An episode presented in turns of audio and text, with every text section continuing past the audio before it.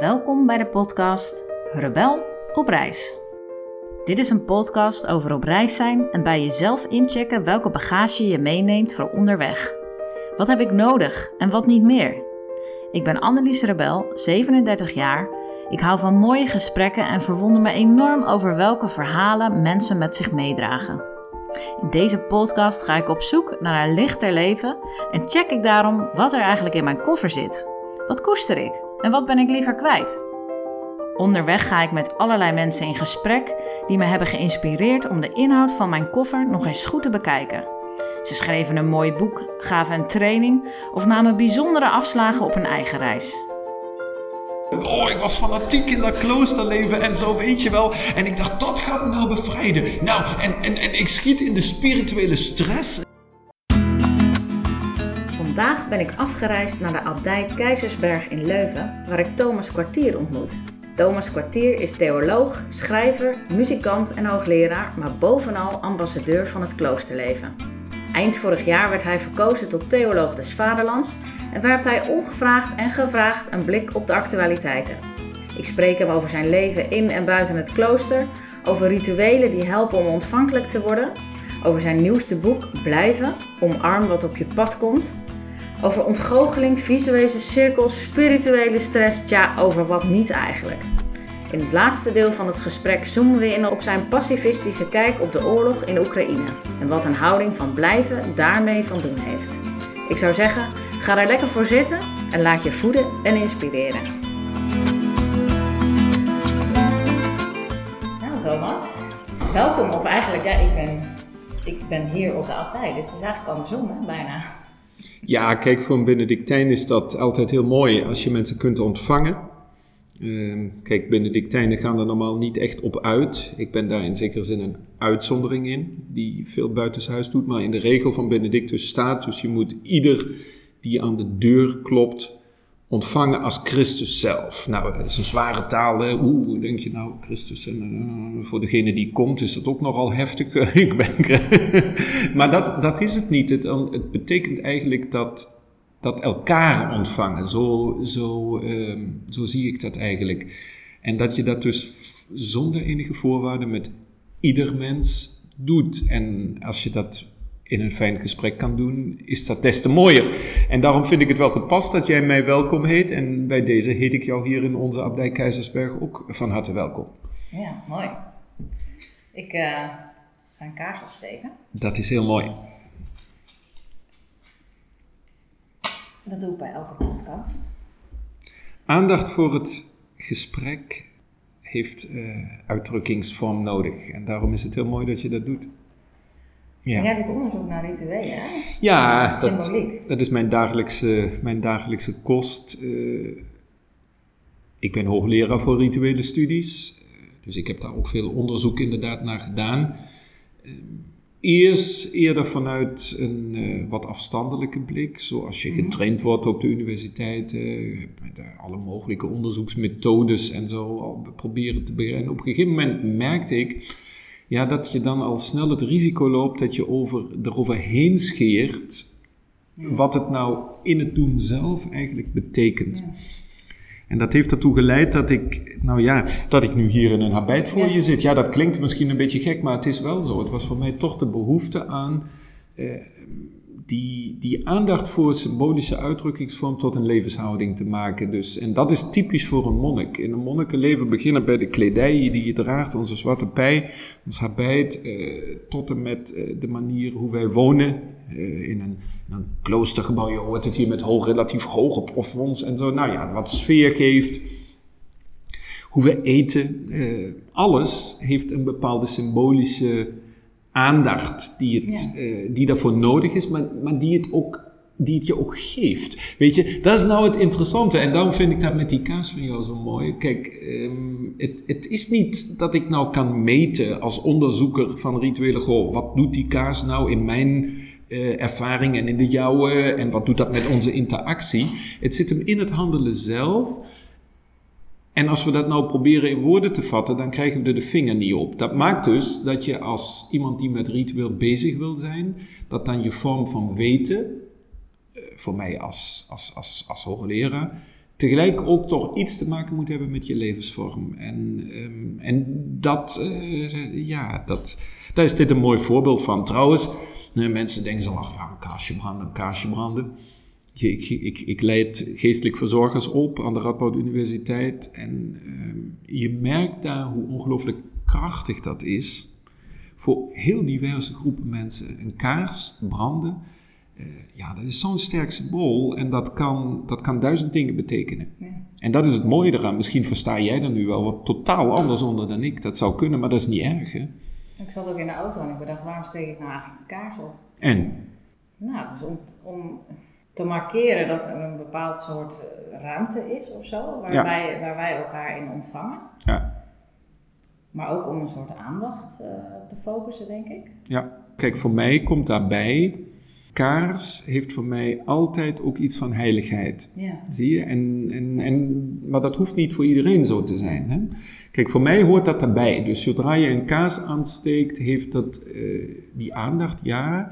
Maar is het altijd een, een radicaal open aandacht? Uh, anders dan als ik in een discussie zit. Uh, kijk, als ik in een discussie zit, steek ik geen kaars aan. Nee. Want dat is, een, dat is een horizontale communicatie. Zodra ik een kaars aansteek, krijgt de communicatie ook een verticale dimensie. Ja.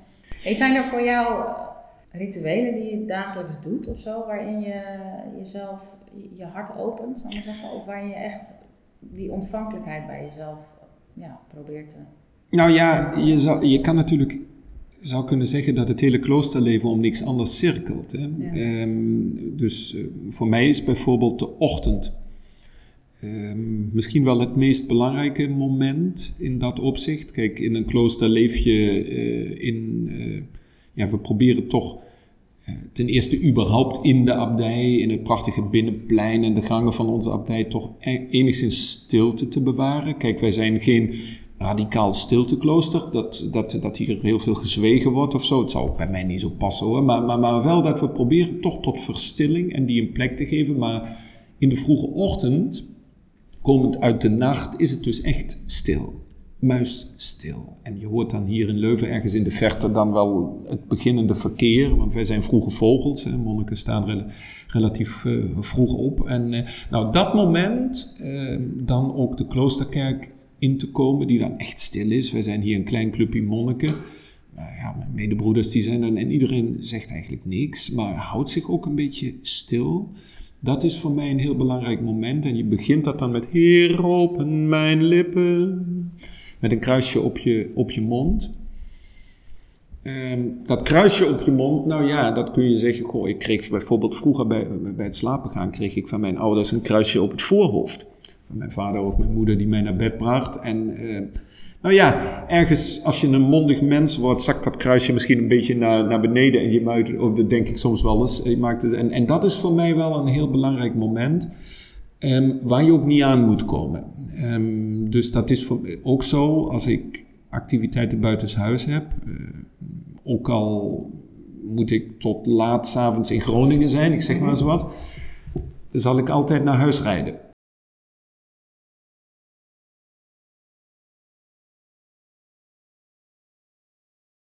Deze plek jouw thuis? Ja, ja, ja, ja. Maar ook weer niet. Um, dat is ook die dubbelheid, weet je. Natuurlijk, een monnik, um, door uh, een van de belangrijkste elementen van met name het Benedictijnse monnikenleven, wij zijn Benedictijnen, hè, is de stabiliteit, stabilitas in het Latijn. Um, en dat maakt dat de plek waar jij je gelofte aan verbonden hebt, dat dat jouw plek is. Dus het zou heel vreemd zijn als ik zou zeggen: Dit is niet mijn thuis. Uh, voelt ook zo. In mijn cel ben ik ook echt thuis en ik heb het hier naar mijn zin. Tegelijkertijd, weet je, ik woon nu, ik ben oorspronkelijk Duits, uh, daarna in Nederland Benedictijn geworden, twee jaar geleden overgegaan naar België. Nou, ik kan je wel vertellen, en daar vind ik ook helemaal geen doekjes om, dat de overgang naar de Belgische cultuur, samenleving, eh, een behoorlijke vervreemding is. Meer dan de overgang die ik had toen ik als Duitser uh, naar Nederland overging. Terwijl eigenlijk gek, hè, want Nederland en België spreken dezelfde taal. Ja. Maar ik vind dat een grote, uh, qua manier van omgaan met elkaar, communiceren met elkaar. nou, België is in, in zekere zin een behoorlijk gesloten samenleving. En dat is een bepaalde vervreemding. Daarom aarzelde ik uh, toen jij vroeg, is dat nou thuis? Ja, dit, als iets mijn thuis is, dan is het dit. Uh, maar ook weer niet. En die vervreemding hoort ook wel een beetje bij het monnik zijn. Dus ze zeggen, het moet ook weer niet te knus worden. Anders bijt de kat zich namelijk zelf in de staart. Want je wordt natuurlijk juist ook monnik om de andersheid van het leven telkens weer opnieuw te kunnen beleven. Ik ben nu 49 en je merkt op een gegeven moment steeds meer mm, eigenlijk ja, hoe je in elkaar zit. Daar krijg je toch meer zicht op.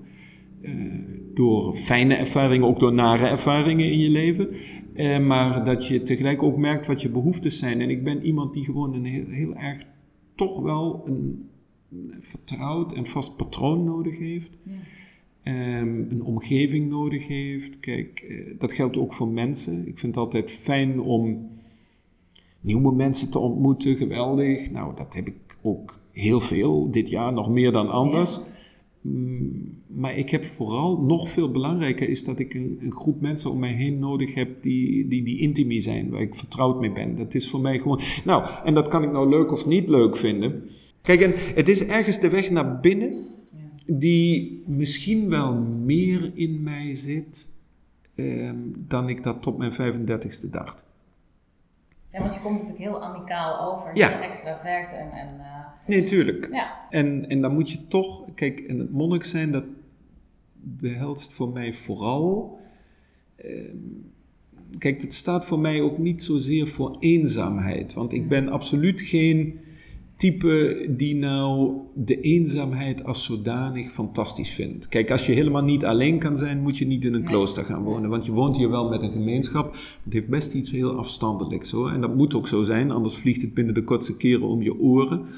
Uh, maar toch ben ik van nature iemand die, nou, vaak liever niet alleen is. Uh, dat, dat, maar eenzaamheid is voor mij ook niet de eigenlijke betekenis van monnik. Monnik komt van het Griekse monos en dat, dat, begrijp ik toch veel meer in de zin van een eenheid. En dat is een voortdurend zoeken naar balans. Als je van je weet, goh, ik ben aan de ene kant heel extrovert, uh, maar tegelijk heb ik toch dat verlangen naar mij ook altijd, ja, toch terug te kunnen trekken in de mij vertrouwde, zowel sociale als ook ruimtelijke omgeving. Dan moet je het niet zo hebben dat je naar buiten toe iemand anders bent dan je in werkelijkheid bent. En tegelijkertijd moet je je ook niet in je verstilde omgeving eh, dan voordoen alsof je, alsof je nou een grijze muis was. Want beide zou niet bij die eenheid passen. Ja. ja. En dat is een, dat, dat, het recept daarvoor heb ik niet. Het lukt me ook niet. Eh, lang niet altijd, weet je. Dus ik ben, wat je zegt, vrij outgoing. Dat ben ik als kind al geweest, ben ik altijd al geweest. Nou, daar heb ik ook niet voor gekozen, dat is gewoon zo. Ja. Um, maar dan op te letten dat dat niet dat dat niet de overhand krijgt. Vooral voor je eigen, voor je eigen balans, weet je, de eenheid in jezelf. Hè? Waar, waar merk je dat aan? Dat die eenheid in jezelf soms begint te, te, wankelen? Nou, ik merk het in eerste instantie daaraan als ik, als ik onrustig word. Van binnen? Ja. Onrustig. Ja. Dat betekent veel gedachten? Ja, maar vooral ook dat je erg driftig wordt en echt geweldig vindt wat je allemaal doet en wat je wil gaan doen en wat je moet gaan doen en zo. En, en jezelf altijd maar belangrijker gaat vinden en je vindt dat die lezing en dit boek en dit interview en dit en zus en zo. Mhm. Kijk, je merkt op een gegeven moment als je dat, eh, ik zeg maar even heel, heel huistuin- en keukenachtig, als je dat te zeer op kikt, dan, eh, kijk, natuurlijk vind ik het leuk. Eh, en ik, ik word er ook altijd een beetje ziek van als mensen zeggen: als monnik mag je dat niet leuk gaan vinden. Nee, nee. maar natuurlijk vind ik dat leuk. Maar, maar als, je dat, als je er echt op, te zeer op kikt, dan is, dat een, dan is dat een waarschuwing. En voor mij is het klooster. Misschien dat, ik, dat dat ook wel mijn directe motief was om monnik te worden. Voor mij is het klooster een manier wat mij daarin, eh, of een mechanisme wat mij daarin corrigeert. Ja. Hey, je hebt een boek geschreven. Het heet uh, Blijven. Omarm wat op je pad komt. En ik dacht, zo, dat is een hartstikke hippe, moderne, spirituele titel. Vind je? Ja. Terwijl het, toch hartstikke, terwijl het toch hartstikke klassiek is. Nee, dat is echt. Zeker dat omarm wat op je pad komt. Ja, ik lees het overal. Maar misschien is dat mijn, uh, mijn Facebook-algoritme. Maar... Nee, maar kijk, het is, het is wel interessant. En voor mij gaat het over een grondhouding die voor mij ehm, ten diepste voortkomt uit het uit het, uit het monniksleven eigenlijk toch wel, ja. Dat heeft, heeft ook te maken... Kijk, normaal was ik zo'n type helemaal niet. Uh, en dat ben ik ergens ook nog niet. ik ben eigenlijk een totale wereldverbeteraar. Dus ik ben iemand die, die helemaal niet... Nee, voor aan wat op je... Nee, je helemaal niet... Toch? Ja, en ik ben, hè, en, en, en als er iets, dan moet je het aanpakken en dan moet je er wat aan doen en weet ik wat. En dat, en, en, en, en Kijk, en dat had ik ook toen ik monnik werd. Eigenlijk was dat bij mij uit een houding van, goh, ik ga hè, helemaal en, en, en, oh, en dit en dat. En kijk, het is voor mij zo'n tien jaar geleden dat ik echt in het klooster ingetreden ben. Daar ging een hele zoektocht aan vooraf. Maar goed, dat, dat ik echt monnik werd. Vol idealisme, wat dat monnikenleven zelf betreft, dat gemeenschapsleven vooral. Uh, en wat dat allemaal. Ja, en ik ben, daar is menige ontgoocheling aan vooraf gegaan. Um, voordat ik kon zeggen en kon opschrijven, nee, het is omarm wat op je pad komt, dan zeg ik ook niet, het is allemaal leuk. Want iemand die dit nou luistert en denkt, goh, dat kloosterleven, dat is nou leuk. Nou, eh, dat is leuk als je dat doet in een gastenverblijf. Kom vooral allemaal naar enige abdij of weet ik wat, of kom hier naar ons. Allemaal prima. Maar, ehm, maar eh, het, het is alles behalve een heile wereld of een, uh, geweld, dat, of een idylle. Dat, dat, dat is het niet. Sterker nog, um, ik ben met mijn idealisme in monnikengemeenschappen. Um, ja, ook dat weer even, eh, even, even simpeltjes gezegd, uh, vaak genoeg op mijn gat gegaan. En teleurgesteld, ook diep teleurgesteld. Uh, omdat je dan namelijk op een gegeven moment merkt, als je ergens heel, heel idealistisch aan begint, je doet dat samen met andere mensen, uh, je denkt, nou, dat is nou een idealistische gemeenschap, dat dat vaak dan helemaal niet zo blijkt te zijn. Nou, en dan kun je zeggen, en dat was dus vroeger mijn activistische zelf, nou, dan zoek ik een andere kring en een ander forum en zo. En, nou, en dan zul je toch weer hetzelfde meemaken. En uh, dat is ergens dus door die ontgoocheling heen de poging om iets van een levenshouding te ontdekken, die, die wel maakt dat je, dat je dus niet. Uh, permanent aan het rennen bent. Ik dacht wel van, hé, hey, dat blijven. Ja. Dat vond ik toch een mooier woord dan bijvoorbeeld volhouden. Want volhouden, dat past ook heel erg bij mij, hè? Volhouden en doorzetten. Ja, maar dat dus is alweer veel te... Dat, en dan ga je... Ja, maar dat is ook alweer veel te, veel te vechterig. Veel te, ja, en, en, en, maar blijven, dat heeft zoiets van... Het heeft bij mij het beeld dat je lekker tegen een boom aan zit, in het zon, gezicht in de zon, en dan wachten op nou ja, iemand. Of... Kijk, en vechten eh, blijven, dat doe je pas als het gevecht gevochten is. Dus je vecht wel? Nou, op een gegeven moment zijn gevechten gevochten. Ik denk dat je dat altijd ergens wel doet, althans, dat is mijn ervaring. Uh, dat dat misschien ook wel nodig is. Dat je je je idealisme, maar misschien ook je verontwaardiging, je woede en weet ik wat. Kijk, als je zegt, oh die heb ik helemaal niet meer, want ik leef nu ah, helemaal in een houding van blijven en dat is allemaal, dat geloof ik niet. Althans, ik niet. Uh, dat is niet zo. Ik kan nog altijd ontzettend kwaad worden en weet ik wat. Maar, uh, maar kijk, die houding van blijven, die, ligt, die, die, die, die, die kan op een gegeven moment een soort inbedding bieden. Wat maakt dat als ik hier nou in het klooster, nou ik wil nou niet zeggen dagelijks, maar toch heel regelmatig mij ook echt kan opwinden over stommiteiten, wat hier allemaal. Um, dat je dan niet meer ieder gevecht aan hoeft te gaan. Dat is een groeiproces bij mij en dat is iets anders dan, dan maar je daar dan maar bij neerleggen. Of, uh, of, uh, of, of uh, een beetje fatalistisch te denken, goh, dat, dat, dat is het niet. Het is wel erkennen van wat er in jezelf zit. Ja, maar dat ook, ja, ja, ja, ja. Kijk, ik heb vroeger eerder, een, een van mijn eerdere boeken, dat heette Heilige Woede. Ik weet niet of je dat gezien hebt. Dat is toen heel veel heel veel over. En iedereen had het alleen maar over die woede. Dus heel veel recensies toen die zeiden: Goh, monnik, woede, dat kan toch niet, dat mag toch niet. Nou, dat er het woordje heilig voor stond, daar ging het in geen van die recensies over. Dus dat was heel interessant. Dus mensen springen alleen maar op die woede, terwijl het voor mij erom gaat. Kijk, woede is als zodanig niet slecht. Hè? Ik vind woede geen negatieve eigenschap. En ook geen negatieve emotie. Eh, woede, als je je woede heiligt, kan, ze, kan je ze juist transformeren tot engagement, eh, tot betrokkenheid, eh, tot overgave of wat dan ook, eh, weet je. En, ehm, en, en je kunt ze alleen, dat is dus mijn voortschrijdend inzicht. Ik dacht altijd, je kunt die heiligen door van alles te doen, ja. maar je kunt ze ook heiligen op een bepaald moment door gewoon te blijven. Ja. Dat denk ik, ja. En dat had je mij een paar jaar geleden nog niet horen zeggen. Het klinkt als dat het lichter ervan wordt. Ook je eigen worstelingen, hè? of je eigen woede, of ja, ja, ja, wat je ermee moet. Kijk, ik heb het natuurlijk over lichte en zware. Ja, ja, ja, maar ook wel een stuk minder sprankelend. Dat, dat wel. Eh, kijk, als ik het klooster bekijk, dan, dan zijn daar voor mij wel degelijk in mijn beeld van het klooster en mijn beleven van het klooster scheuren gekomen. Ja.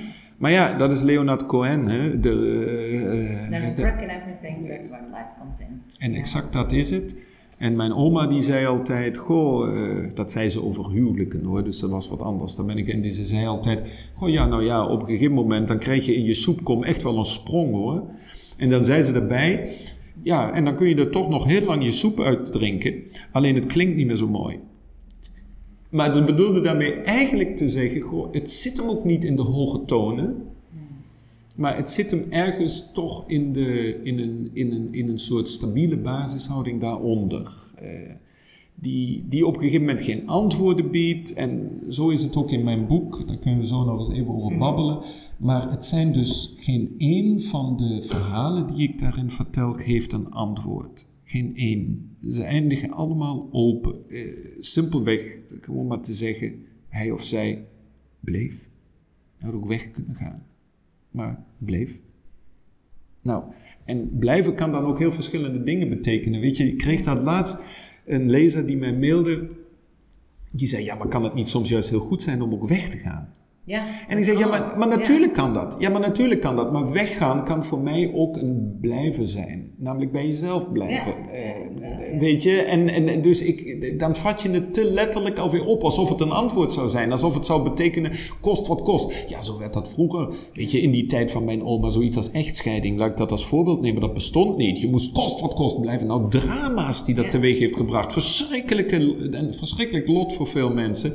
Waar je van denkt, nou, hoe kun je dat nou? En, en, dat, dat bedoel, ik niet met, niet met blijven. Nou, is, is blijven eigenlijk altijd wel, heeft het eigenlijk altijd wel te maken met trouw aan jezelf blijven? Ja.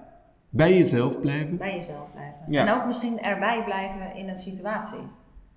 Dus, ja. dus als je zelf heel boos wordt, dan kun je die boosheid natuurlijk heel makkelijk, als je er niet eigenlijk bij blijft, projecteren op de ander. Dus dan ja. een ander uitschelden en even. Dus als je erbij blijft, bij je boosheid. En weet ook van, nou, dit is gewoon iets van mij. En dit heeft voor de rest niks met die ander te maken in eerste instantie. Ja. ja. Nee, nee, nee, zeker. Maar misschien heeft het ook wel met die ander te maken, weet je. En dan kun je natuurlijk normaal zeggen, ik moet dat gevecht aangaan. Misschien heeft die ander gewoon ook in jouw ogen hartstikke ongelijk. Misschien heeft die ook wel ongelijk. Dat bestaat ook, hè. Dat je gewoon, dat, dat, dat, dat, dat ik, ik denk wel... Ja, maar het feit dat ik me daar boos over maak... Zegt iets over jou. Ja. ja. Maar is natuurlijk ook iets wat wat ons als mensen gegeven is, dat we er ergens boos over kunnen worden. Kijk, en ook dat kreeg ik, nou je dit zegt, een mailtje wat iemand anders die het boek gelezen had schreef. Ja, maar is dat dan niet dan ook een soort van onverschilligheid? En dat is absoluut niet zo. Dat is, nee, absoluut niet. Nee, nee, nee, nee, nee, nee. Ik vind onverschilligheid vind ik het ergste wat er is. Uh, daar kan ik ook niet tegen. Er zijn een paar, daar kan ik absoluut niet tegen. Dus uh, ik kan tegen heel veel dingen en daar kan ik dan, oh, en dit en dat en op reageren. Maar onverschilligheid, dat kan ik, dat kan ik, dan, dan, dan, dan doe je de moeite niet om te blijven. En blijven kost ook moeite. Ja, ja absoluut. Ja. Hey, en dat omarmen wat op je, zou dat hetzelfde zijn als dat alles wat op je pad komt de bedoeling is? Gaat dat daar aan vooraf?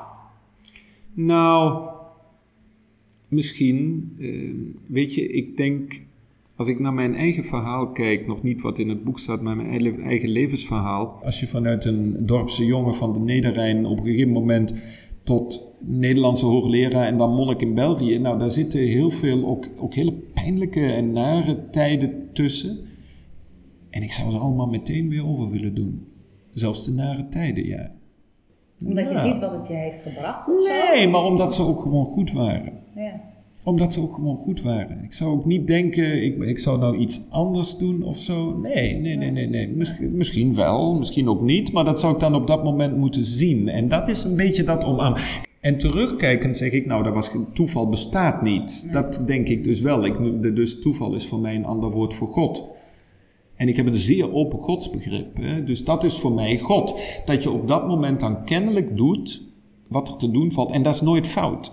Ook al was ik achteraf tot de conclusie gekomen, goh, dat is het toch niet. Ik ga nou sociale pedagogiek studeren, had ik ook leuk gevonden. Of misschien weet ik wat, of politiek, weet, geen idee. Nou, dan was het nog niet fout geweest.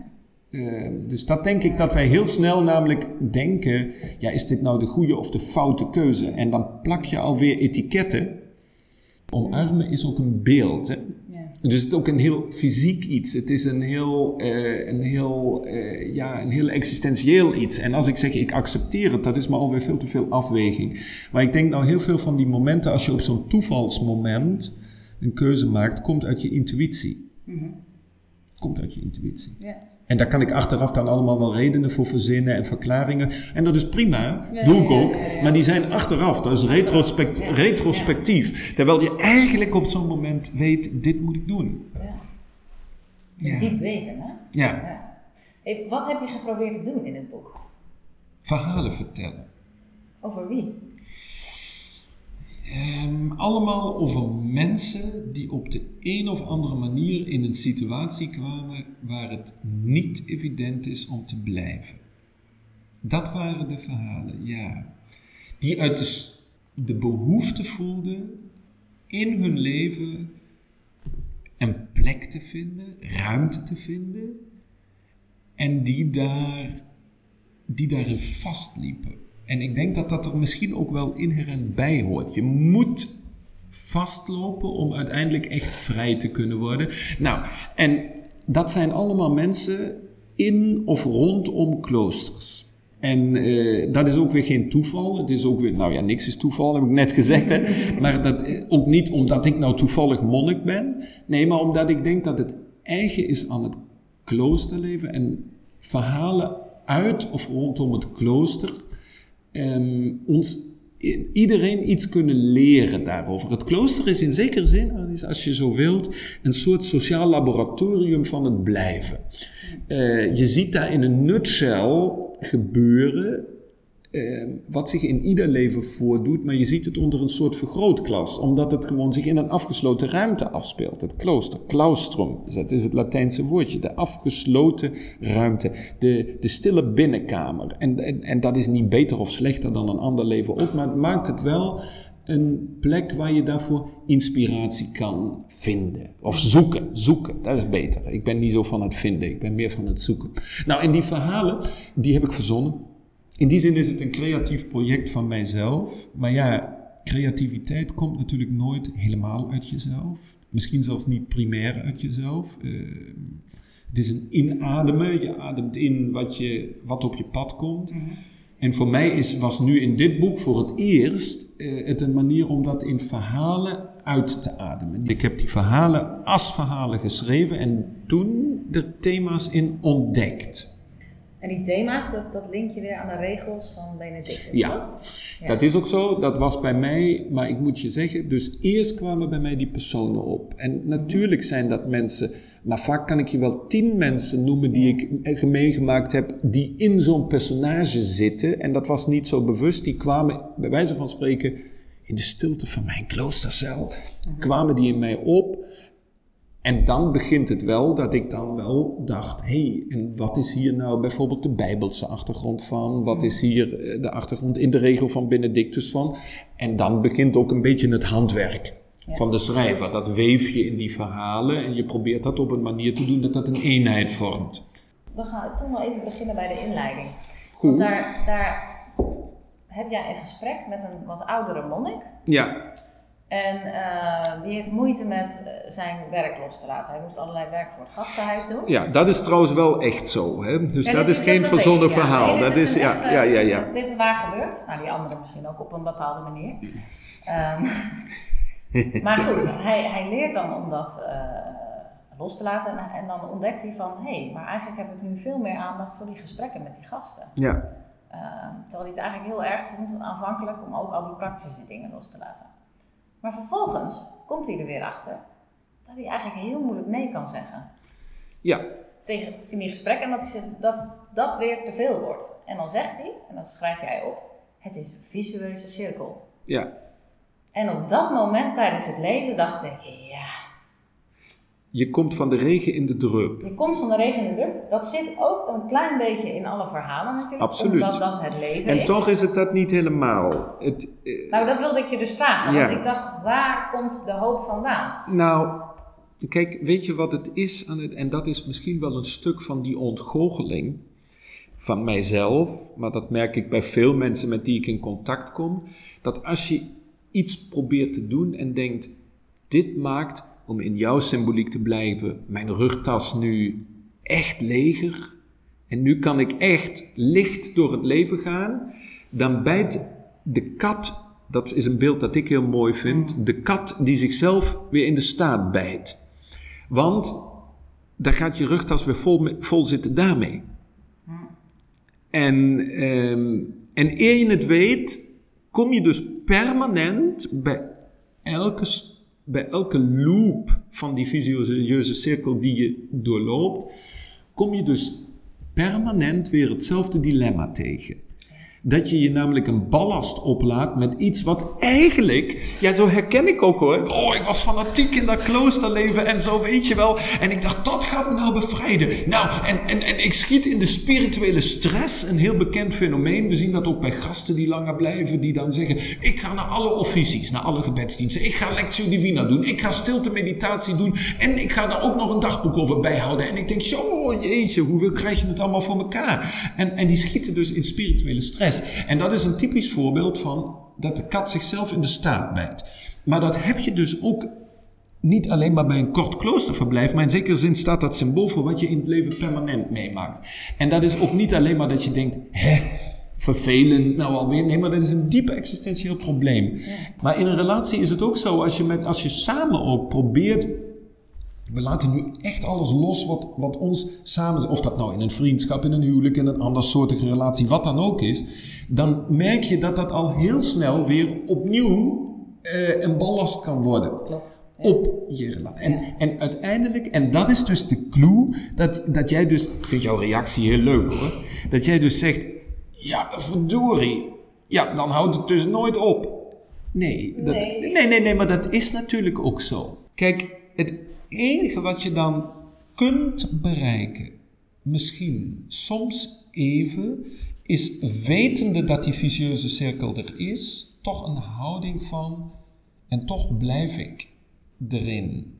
En die dat zal je niet weerhouden om weer in dezelfde loop, te, in de volgende loop terecht te komen. Maar toch die houding van blijven, die kan groeien. Dat is ook wel mijn bescheiden ervaring na een relatief korte tijd. Kijk, tien jaar is een hele tijd, maar voor monastieke verhoudingen is dat kort. In het klooster, dat die wel groeit. Dat dus elke loop van die vicieuze cirkel je misschien toch een halve centimeter verder naar, naar het inzicht leidt. Een stukje verder naar boven. Dat, dat, dat, dat geloof ik dus wel. Maar dat is een, dat is een open einde, hè? dus je hebt dat nooit bereikt. Uh, ook niet als je 97 als monnik bent en, uh, of al, al 60 jaar getrouwd bent of wat dan ook bent. Dat denk ik, ja. En met het idee maar, dat je dan niet structureel dingen zou kunnen verbeteren. Nou, maar dat zeg ik toch ook helemaal niet. Dat zeg ik helemaal niet. En daar gaat het ook niet om. Kijk, als je nou Jezus bekijkt, hè, ja. die uitspraak. Ik ben de laatste tijd ja, door, ben, ik, ben ik veel met, met zo'n, zoiets als de vijandsliefde bij Jezus bezig geweest. Nou, daar doet hij hele, de, hele radicale uitspraken over. Uh, je, moet, uh, je moet zegenen wie je achtervolgen en uh, bidden, bidden, voor wie je kwaad doen. En je vijanden liefhebben en de andere wang. En ga zo maar door in Lucas 6 hoofdstuk. heb ik allemaal keurig opgezocht. vind je dat? En um, nou, dan zou je kunnen zeggen, doe dat nou. Ja, maar iedereen die weet, weet dat dat dusdanig juist radicale claims zijn dat het niet zo werkt dat je dat gewoon maar even doet. Eigenlijk vind ik dat precies het voorbeeld daarvoor. Die hele bergreden hoor, bijvoorbeeld. Neem dat nou als voorbeeld. Hè? Maar eigenlijk precies een voorbeeld daarvoor dat je zegt, nou, je zult er nooit geraken. Uh, het zijn loops die je doorloopt. Je moet er wel altijd je best voor doen, maar heel snel. Kijk, als ik bijvoorbeeld die geweldloosheid van Jezus, als ik die radicaal uh, verkondig, mm -hmm. dan bijt de kat zich snel weer in de staart, omdat je een vechter bent voor geweldloosheid. Ja. Nou ja, dat kan niet, hè? Ja. Dus dan kom je alweer in een soort. Nou, en dan moet je maar weer opnieuw beginnen. En als jij nu zegt, uh, Jezus die die helsbeloftes doet, hè? Uh, trouwens vind je die bij de profeten in het, in het Oude Testament ook al. Heel interessant. Ik doe dat voor mijn project Profetenstemmen. Profeet gaat altijd van onheilsvoorspelling en verweer je tegen dit en doe niet zus en doe niet zo. Gaat hij naar een heilsbelofte. Dat is het, een, een heel herkenbaar patroon. Maar die heilsbelofte, die heeft een open einde. En dat is ook bij Jezus zo. Want hij heeft het over het algemeenheid van, over het rijk van God. Dat begint hier nu al, maar mensen zullen het altijd. Ik ben echt heel erg van het hier nu maals en niet van het hiernamaals. Ja. Maar dat hiernamaals, dat staat voor mij ook niet daarvoor dat, ja, en dan moet je maar op wachten. En als je dan een keer dood bent, dan komt het allemaal goed. Of in de eeuwigheid, of bij het jongste gerecht, of wat het ook allemaal mm. mogen zijn. Voor mij staat dat voor een, staat dat voor een open einde. En dat open einde, dat zie ik daarin. En dat kan niks anders zijn dan een soort spiegel van de eeuwigheid, die elke loop die je in die visieuze cirkel doorloopt niet zinloos laat zijn. Ja. Een van mijn boeken uh, heet Open Einde van je Verlangen. Ja. En ik gebruik dat als een omschrijving voor God. Voor mij is dat nog steeds de meest overtuigende omschrijving van wat God is. God is het open einde van ons verlangen, uh, van mijn verlangen. En, um, en ik hoop dat dat altijd zo blijft. Weet je, interessant is dat, dat merkte ik, uh, is heel spannend hoor. Dus je komt natuurlijk als theoloog des vaderlands met heel veel uh, mensen met verschillende achtergronden in contact. En uh, ik merk dat, dat mensen met een protestantse achtergrond, fantastisch hoor, maar dat, dat, ik, ik, leer daar ontzettend veel van. Goed ook om eindelijk eens uit je bubbel te komen. Want voor mij is dat evident, weet je. Ik vind dat dat, dat, dat allemaal samenhoort en allemaal, allemaal prima. Hè? Maar dat die dus vaak aan mij de vraag stellen, maar ja dat open einde en dat voortdurende zoeken en die voortdurende loops. Je wilt er op een gegeven moment ook eens wat vinden. Je wilt toch ook antwoorden. Ja, en ik merk dat dat, ik denk, nee, nee, voor, nee, nee, ik niet. Voor mij gaat, voor mij is dat, kan dat een eindeloos proces zijn en dat is oké. Okay.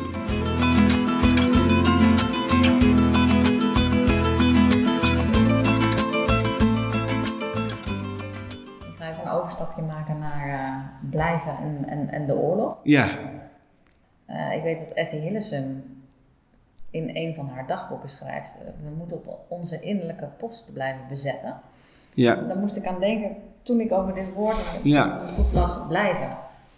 Het is een soort van, uh, ja, ja, een soort aanwezig blijven, alert zijn. Ja. Wat er, wat er, wat er is. Hoe, hoe doe jij dat nou? Nou, hoe doe kijk, je blijven in, in, in zo'n soort panieksituatie? Ik vind het wel een mooi citaat taat ook. En volgens mij is het niet alleen maar, eh, bij wijze van spreken. Kijk, laat ik het anders zeggen. Op je innerlijke post blijven is, niet, is meer dan alertheid. Is meer dan alertheid. Maar dat betekent ook dat je, je de integriteit van jouw innerlijk en jouw aanvoelen van je innerlijk, mm. dat je die niet laat afpakken. Door welke situatie dan ook. En kijk, we leven dus inderdaad in de, midden in de Oekraïne-crisis en de, de, verschrikkelijke oorlog en de, de ongelooflijke misdaden die daar gedaan worden. In een, in een, in een ongelooflijk snelle tijd, uh, in een hysterische tijd zou je bijna kunnen zeggen. En ik heb daar verder geen mening over. Ik kan die, die hysterie ook heel goed begrijpen. Ik voel hem zelf ook. Maar dan betekent voor mij op je innerlijke post blijven ja, daar is dat, dat beeld van die post ook wel heel passend om, om waakzaam te zijn. Um, in eerste instantie bij jezelf, wat gebeurt bij mijzelf? Ja. Welke reactie voel ik zelf? Um, welke neiging voel ik in mezelf? maar ook welke idealen uh, springen er voor mij uit. Ja. Ehm, en daar kun je volgens mij op die innerlijke post wel trouw aan blijven. Nou, sterker nog, ik vind dat je dat moet. Ik vind dat, ik vind dat heel belangrijk, weet je. Want ik denk namelijk, en dat is ook voor mij gevoed vanuit, vanuit mijn christelijke identiteit, heel duidelijk. Um, Welke, welke idealen springen? Nou ja, voor mij is dat dus het, voor mij als christen, zoals ik dat opvat, of dat, kijk, en andere theologen denken daar anders over, maar ik denk daar zo over, mhm. is dat geweldloosheid. In welke omstandigheid dan ook. Al kun je daar als mens misschien wel nooit helemaal aan voldoen, maar dan is het wel belangrijk dat je dat ideaal van als iemand je op de ene wang slaat, geef hem dan laat hem je ook op de andere slaan. Dat dat, dat ideaal ehm, wakker te houden mhm. ehm, voor je eigen houding heel erg belangrijk is. En als dat voor je eigen houding belangrijk is, is dat ook zo voor je omgeving. En als het voor je omgeving belangrijk is, dan is het ook zo voor het klimaat dat wij met elkaar scheppen in de samenleving. En als dat de hele tijd wat wij nu meemaken, dat is dus mhm. voor mij een van de punten waar je vanuit je eigen innerlijke houding bijna zoiets hebt van, ja, hier sta ik en ik kan niet anders. Um, als, als wij de hele tijd ons mee laten sleuren door een afschuwelijke agressie, daar gaat het helemaal niet. Nou, dat, ik heb ook nog, nou ja, behalve sommige mensen die dan helemaal van de pot gerukt zijn, zoals ze hier in Vlaanderen zeggen, maar iemand die daar maar enig begrip voor heeft, voor die agressie, dat heeft, dat heeft niemand met enig goed fatsoen hier bij, in onze omgeving. Dat is de vraag niet. Maar de vraag is hoe antwoorden we erop en in hoeverre laten wij ons meesleuren mm door de agressor, maar ook door onze reactie in een terminologie en in een taal en in een manier van denken, van voelen, van geweld tegen geweld. Mhm. Nou, en daar heb ik geen simpele oplossing voor. Je komt in alle mogelijke duivelse dilemma's terecht. Maar ik vind wel dat die, die vanzelfsprekende taal ja, dat is voor mij een deur die zich sluit zonder dat ik dat kan accepteren. Dat die, en, en dat een halt toe te roepen, mhm. vind ik voor mij eh, als theoloog zijnde, die daardoor natuurlijk ook een stem heeft voor andere mensen, eh, vind, ik, vind ik gewoon belangrijk. Het is wel een moeilijke weg, hè? Die je, die je daarin kiest. De, de, reactie is namelijk al heel snel makkelijk. Ja, en wat moeten we dan doen? Moeten we dan alles maar laten bombarderen? Weet je wel? Dus het gaat heel snel naar de praktijk van alle dag en de bestuurlijke reactie die je moet Nee, maar dat is ook zo. En kijk, wat, wat voor mij het probleem daarbij dan is, en dat vind ik wel ook dan, daar dan toch bij te blijven, mhm. dat woord te gebruiken. Ehm, kijk, natuurlijk, als een ideaal de werkelijkheid totaal uit het oog verliest, wordt het wereldvreemd. Ja. Maar als de werkelijkheid zich niet meer spiegelt in het ideaal, wordt die leeg en wordt die zinloos en wordt die absurd. Ja. Dan kom je in een absurdisme terecht en dat zie ik ook op dit moment heel veel. Het is een bijna absurdistische uh, visie op wat, wat de hele situatie is. En dat is de reden waarom je dus, vind ik, die spiegel van zo'n ideaal als geweldloosheid moet kunnen uiten. En ik schrik er eerlijk gezegd van. Ehm, ik schrik van hoe het mogelijk is, wat er allemaal gebeurt. En het verschrikkelijk. Maar ik schrik er ook van, wat onze Nederlandse, Vlaamse, Duitse context betreft, hoe weinig dat gebeurt. Dat we in de spiegel van die idealen mhm. kijken. Ik denk, nou, waar zijn nou de stemmen van Mahatma Gandhi? Eh, van Martin Luther King. Van dat soort mensen. En ik hou het dan met mijn oude moeder. Dat is een verhaal wat mij enorm aangegrepen heeft. Weet je, zij keek op de televisie. Uh, en mijn moeder is 85, is geen politiek persoon meer. Is ze nooit heel sterk geweest, maar nu niet meer. Dus dat, wat wel tot haar doordrong, ze woont in Duitsland, hè, is dat in Duitsland ineens de nieuwe bondskanselier ehm, bijna als een soort veldheer verschijnt en zegt: We gaan nu 100 miljard voor het leger investeren. Nou, mijn moeder zei, kijk, en ik ben iemand, eh, Annelies, weet je, ik ben geen politiek commentator, ik matig mij dat, wil, probeer mij dat ook niet aan te matigen. Maar mijn moeder zei, Thomas, we hebben toch nu juist 70 jaar gezegd dat dat niet mocht. En nu ineens ga je dus vanzelfsprekend mee. Nou, dat vind ik zo'n halt toe te roepen van mijn oude moeder. En mij heeft dat enorm bemoedigd daarin. En ten tweede, zij zei dus ook, en een mevrouw die daarbij haar woont, die zei: Nou, maar dat, denk je dat dat nou een verschil maakt of wij nou duizend of 2000 vliegtuigen hebben? Die kant zit er namelijk ook aan dat je in een bepaalde geweld tegen geweld logica bijna wij met z'n allen erin geloven dat dat een oplossing is. Kijk, het zijn dus twee kanten. Aan de ene kant is het dus die principiële halt. En ik heb toch echt van zo iemand als mijn moeder als kind ook al hoor. Maar later ook van mensen in het klooster geleerd. Eh, laat je nooit aanpraten dat je geen idealist mag zijn met het argument je hebt geen oplossing. Want die oplossing die hebben anderen ook niet. Maar probeer dat dan wel. Nou, mensen zeggen tegen mij: ja, je bent naïef. Je bent, nou, ik ben liever naïef dan corrupt. En, met alle mogelijke wapenindustrieën, weet ik maar. maar. Maar goed, kijk, we gaan het hier niet te veel over politiek hebben. Dat wil ik, probeer ik ook te vermijden. Maar, maar weet je, dat, en dat, dat vind ik gewoon heel belangrijk. En er is een tweede kloosterlijke wijsheid. Kijk, in een gemeenschap, er gebeurt ook weer zoals een soort laboratorium ziet, er gebeurt heel veel onrecht hoor. Dus ik zou daar een boek over kunnen schrijven. Daar uh, echt heel veel onrecht. En op die manier. Op die manier heb je ook wel eens het gevoel van, nou, je moet die, die, die, die meneer of die mevrouw, die broeder of die die moet gewoon op de vingers getikt worden, die moet gestraft worden of weet ik wat. Nou, en een zuster die mij heel dierbaar is, die voor mij veel betekend heeft op mijn weg, die heeft mij één les meegegeven in een situatie in een kloostergemeenschap. En ze zei, Eén regel, Thomas, doe nooit hetzelfde terug. Ze kunnen wel op je ziel trappen, maar je ziel is nooit van hen.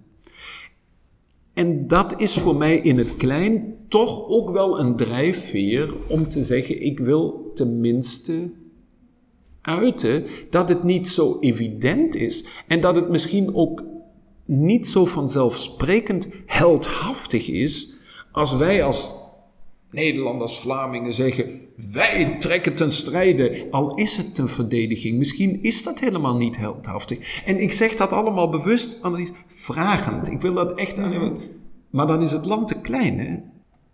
Mij maakt het in zekere zin bang dat het mogelijk is, een publieke opinie die wij hier meemaken met. En daar doen we met z'n allen aan mee...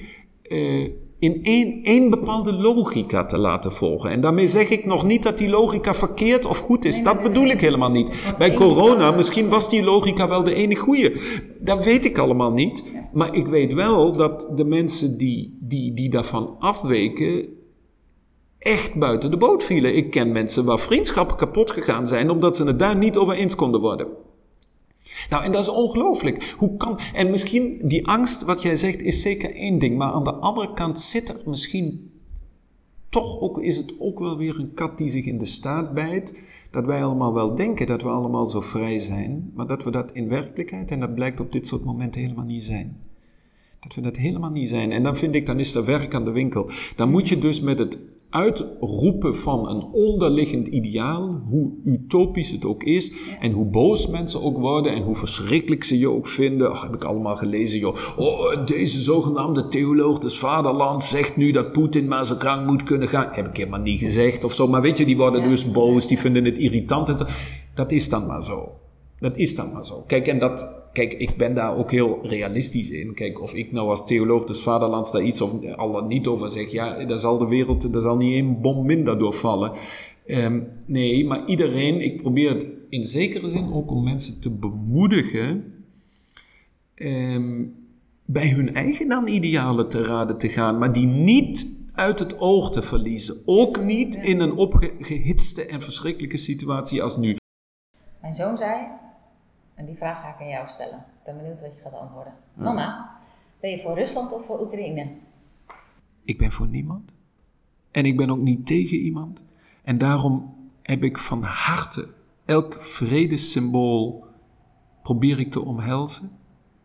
Ehm, ik probeer, of dat het kruis of de duif of wat het ook is. Ik vind het pervers als een Maria-icoon aan de strijdmachten van de één, één partij wordt gegeven.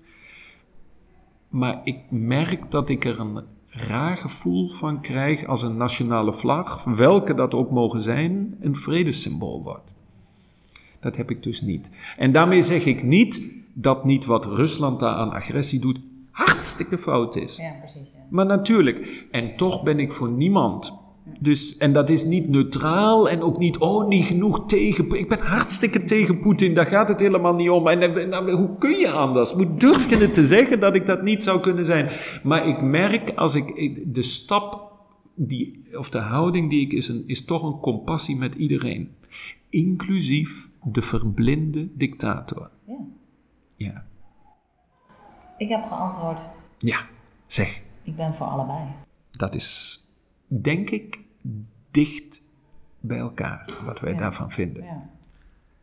Hey, dankjewel voor dit gesprek. Ja, Het, het is eh, heel fijn hoor. Het vloog voorbij. Ik moet het echt terugluisteren waar we het allemaal over hebben gehad. Maar die visuele cirkel. Die We hebben het over heel veel dingen we wel hebben over gehad. heel veel dingen gehad, Ja. hè? Leuk dat je luisterde. Wil je ook mee op reis? Ga dan naar anneliesrebel.nl, check alle andere afleveringen en doe vooral nog meer inspiratie op op de Facebookpagina Rebel op reis.